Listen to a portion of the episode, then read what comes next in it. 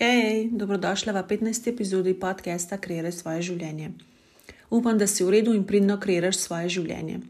Še vedno, ja, prav še vedno beremo fantastično knjigo osebne rasti od Till Swan Sence Prezoro, ki ima kar 29 poglavij, zato dolg časa traja, namenjenim orodjem, ki ti pomagajo do ljubezni, do sebe, do svoje osebne rasti. In ker zagovarjam in verjamem, da je ljubezen do sebe najpomembnejša v življenju, bom, bomo predelali res popolnoma vseh 29 orodij, seveda v večjih podcestih, in danes je na vrsti četrti del. Tokrat smo pri 17. koraku ljubezni do sebe in to je kako reči ne, čemorkoli. Ljubezen do sebe pomeni globoka predanost in naklonjenost sebi. Predanost in naklonjenost je to, kar iščemo v zakonu s partnerjem. In na to mislimo, ko izrečemo stavek, dokler naj jo smrt ne loči. Ampak kaj pa predanost in naklonjenost osebi, kateri si se zavezala najprej? Kaj pa oseba, s katero boš do konca življenja? Kaj pa ti? Predala si se svoji identiteti, predno si prišla na ta svet. Konec koncev, oseba, ki bo vedno tukaj zate, si ti. Tako da si moraš biti številka ena po prioriteti. Ti si ljubezen svojega življenja, čeprav včasih tega ne veš. Zato pa uporabimo besedo ljubezen, zdaj pa uporabimo besedo ljubezen do sebe in pa uh, samo všečnost, ki jo ljudje veliko krat primerjajo. Samo všečnost pomeni, da osebo zanima samo blaginja, korist in njeni interesi, ne glede na to, kako vpliva na druge samošečnost ni naravno človeško stanje. In to stanje se zgodi samo takrat, kadar je oseba fokusirana in pripričana, da ima pomankanje v svojem življenju. To pomeni, da je samošečnost razvita v ljudi, ki se nimajo radi in se želijo samo napolniti svoje notranje pomankanje. Nesebična oseba in sebična oseba imata obe isto besedno zvezo. Kaj pa ju še razlikuje oziroma združuje? Dejansko sta taki osebi popoln vibracijski meč, popolno ujemanje. Nesebične osebe mislijo, da morajo predati vso svojo ljubezen in vse ostale resurse, ker mislijo, da kar bodo dale ven, bodo dobile nazaj. Večina pa nas je vzgojena v stilu, da če želimo dobiti ljubezen, moramo biti pridni. In naučeni smo tudi, da če smo nesebični, je to to, kar moramo biti, da bi bili ljubljeni. Dejansko pa je za nesebičnostjo v zadju to, da pridobiva ljubezen od drugih.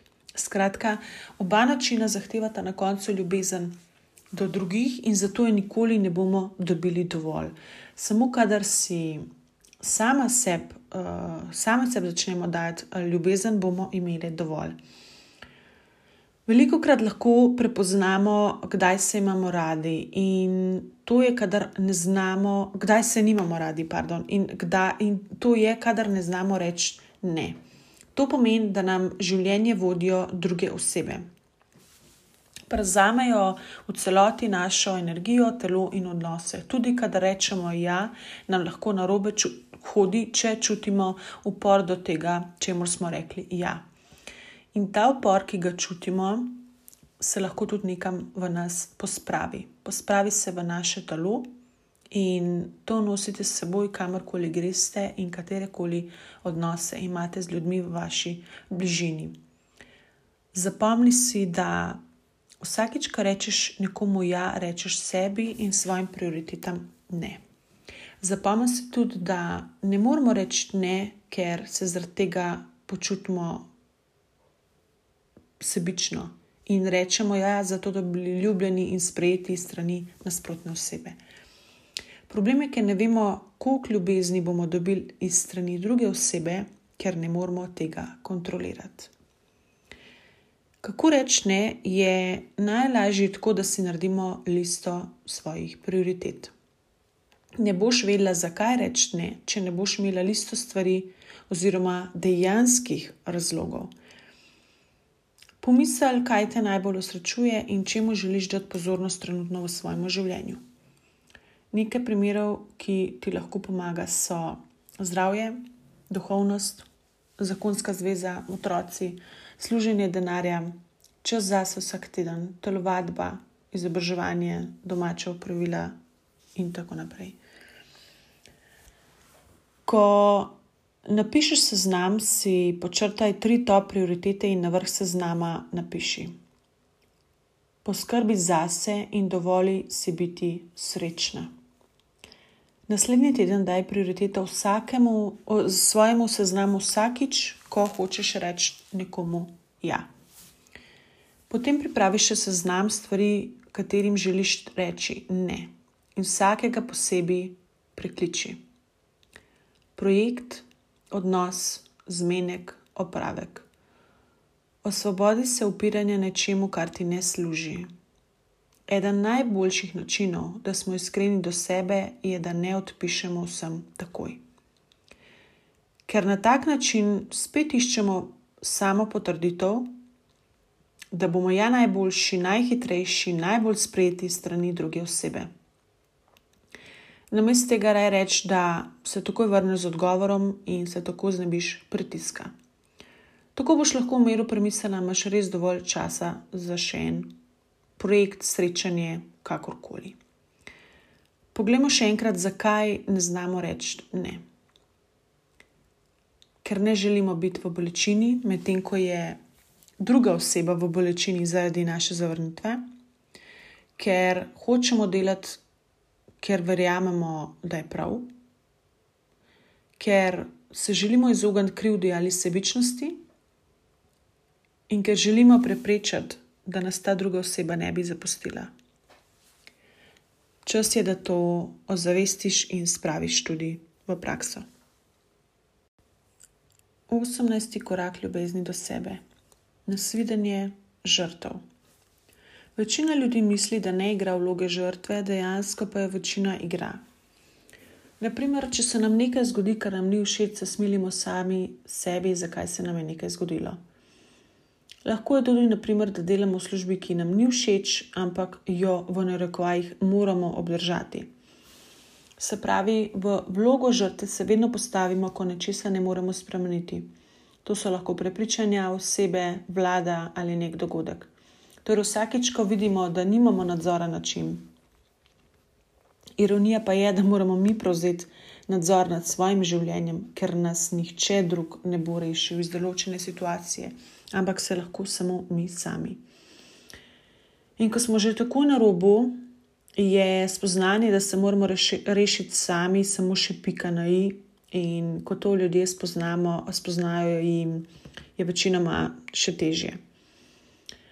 Tukaj bi rada omilila to zadevo s primeri, oziroma z dvema primeroma, ki bosta mečkan olajšala stvari. Naprimer, če ti potrebuješ določeno znanje za neko službo, lahko pustiš vse skupaj in igraš vlogo žrtve, da ti pač tega ne znaš, ti pač tega nimaš, ti nisi dovolj dobra in sposobna in kakorkoli. Lahko pa, če ti res do te službe, če si jo res želiš, se naučiš novih stvari, se jih spravaš v prakso, kar pač to, to, ta določena služba zahteva, in se potem tudi prijaviš in narediš vse, da dobiš to službo, ker pač zdaj že imaš uh, to znanje, ki ga oni potrebujejo. Če imaš, na primer, neko bolezen, pa zdravniki ne vejo, kaj je, obstajajo, obstaja najprej opcija, da igraš vlogo žrtve in čakaš uh, na to, ta svoj konec. Obstajajo pa tudi alternative, kot so energijsko zdravljenje, kot je naprimer Tesla metamorfoza, ki jo sama izvajam. Imam na spletni strani tudi napisan, kaj vse zdravi ta metoda. In obstajajo tudi knjige, znanja, videi, ki ti lahko razkrijejo več, zakaj imaš določeno bolezen. In sama tukaj vedno polagam ljudem na srce, da so vse bolezni psihološkega izvora. Torej, če imaš nek problem, je tvoja naloga, da vsaj prosiš in poiščeš pomoč, namesto da se smiliš sama sebi in igraš vlogo žrtve. Sprejmoš odgovornost za svojo prihodnost s tem, da opustiš določene misli, besede in akcije, ki ti ne služijo več, in uporabiš tiste, ki ti bojo služile. Izziv so še, ko igramo vlogo žrtve, kadar iščemo pozornost in potrditev od ljudi, ki jih imamo radi. In zato zamenjamo skrb in to, da se nekomu smilimo v zameno za ljubezen. In to postane edini način, da se počutimo ljubljeni. In če nimamo težav, ki bi jih razlagali, nas potem skrbi, da nas drugi ne bodo več imeli radi. Ljudje pa se počasno veličajo dajati pozornost naši bolečini. Oddalijo se od nas in mi se počutimo zapuščene. In edini način v tistem momentu je, da najdemo spet nekoga, ki nam bo dal to potrditev. Ampak spet začasno, dokler ne prevzamemo odgovornosti za svoje življenje. Kako pa prevzamemo odgovornost za svoje življenje? Dejstvo je, da nihče ne more kontrolirati tvojega življenja, ker nihče ne more kontrolirati tvojih misli. To je tvoja izbira, ali boš nečemu verjel ali ne. In če to vemo, potem vemo, da lahko sami izbiramo, kaj bomo mislili in verjeli. Najboljši način, da stopimo ven iz vloge žrtve, je meni najljubša hvaležnost. Hvaležnost za ta trenutek zdaj in za vse, kar imamo in kar nam prenaša radost ta trenutek. Hvaležnost ti naredi šift iz tega, da se smilimo sami sebi. Druga stvar pa je odpuščanje. Morate si odpustiti za vse, kar ste si sami naredili in vse, kar so vam drugi naredili. Na ta način se boste res osvobodili lastnega zapora, ker ta lastni zapor nosite vsak dan s sabo. Odpuščanje pa prenaša svobodo. Nujno, nujno pa moram poudariti, da si ne smete govoriti stvari, kot so odpustila mu bom, pozabila pa nam nikoli. To niste nič naredili, še vedno ste v zaporu. Jaz se na tej točki vedno vprašam, a hočem biti srečna, a hočem imeti prav. Poskusite enkrat, ko boste v določeni situaciji, ko se boste z nekom kregali. Meni je to res odprlo vrata v nov svet in mir v sebi res resnično odpusti vsem osebam, ki so te prizadele, staršem, partnerjem, šefom, prijateljem, popolnoma sem in na to odpusti še sebi. Vzem si nekaj minut tišine, lahko si tudi napišeš, če ti je lažje. 19. korak ljubezni do sebe, izbiram srečo. Izbiranje sreče naj bo vaša odločitev. Izbira sreče je vaša izbira ljubezni do sebe, ne glede na ljudi, dogodke in situacije. Sreča ni nekaj, s čimer se rodiš ali ne. Sreča je rezultat vaših nenehnih izbir. Sreča postane kot neko urodje, ampak za katero se moraš ti odločiti, kako ga boš uporabil. Eden od načinov, kako narediti namero, kako boš srečen, da narediš listo stvari s temi nameni.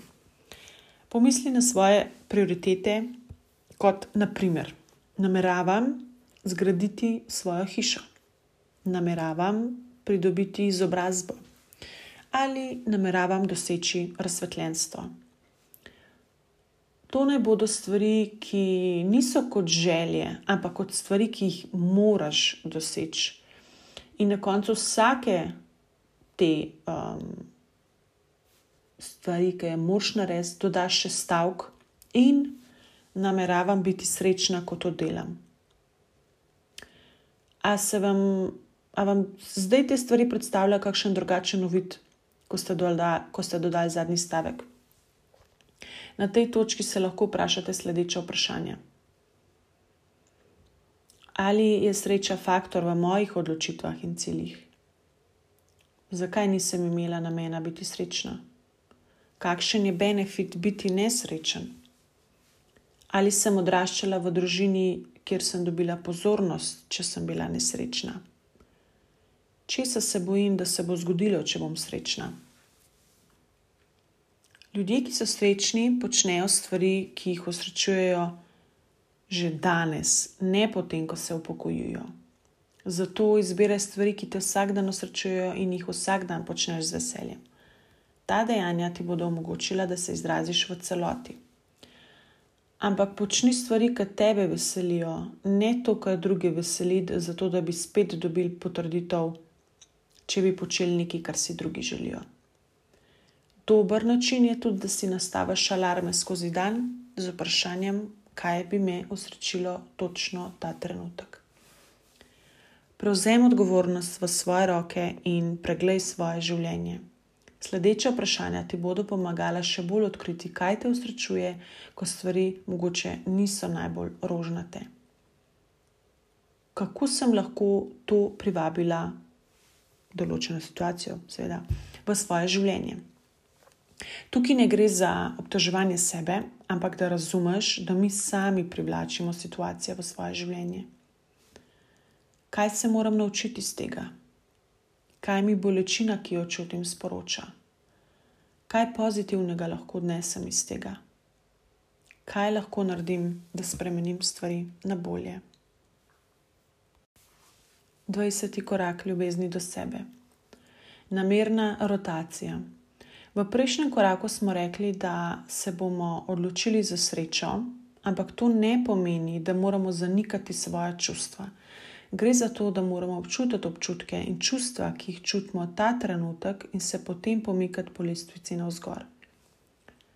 Zato, da spremenimo negativne dogodke v pozitivne, srečne in se iz njih nekaj naučimo, nikakor pa ne smemo ničesar zanikati in bežati pred tem, kar se nam dogaja. In ne smemo si govoriti, da moramo nekaj popraviti na sebi, ker nismo v redu ker tukaj potem potrebujemo, da z nami nekaj ni v redu. Rešitev je, da bi vsak dan mogel sedeti v miru vsaj 20 minut in opazovati svoje čustva. To povzroči, da se fokusirate na nje. To pomeni, da si v celoti sama s seboj, s svojimi čustvi in jih občutiš. In si v mislih sam rečeš, da si tukaj in zdaj sama s seboj. Naj vas na tej točki še opozorim, da to velja tudi za pozitivna čustva, ker včasih so ljudje raje z negativnimi kot pozitivnimi. In potem, ko jih občutiš, se vprašaš sledeče vprašanje: Kako se počutim? Kdaj sem na zadnje izkusila isti občutek? Kdaj sem prvič izkusila isti občutek v preteklosti? in samo pustiš, da odgovori na vprašanja pridejo na površje. Zavedati se moramo, da so čustva, ki jih danes doživljamo, samo triggeri oziroma sprožilci preteklih dogodkov, ki so se že zgodili, in prav je, da jih ozavestimo. Z, z, z ozaveščanjem se potem te travme tudi sproščajo. To bi bilo za danes vse.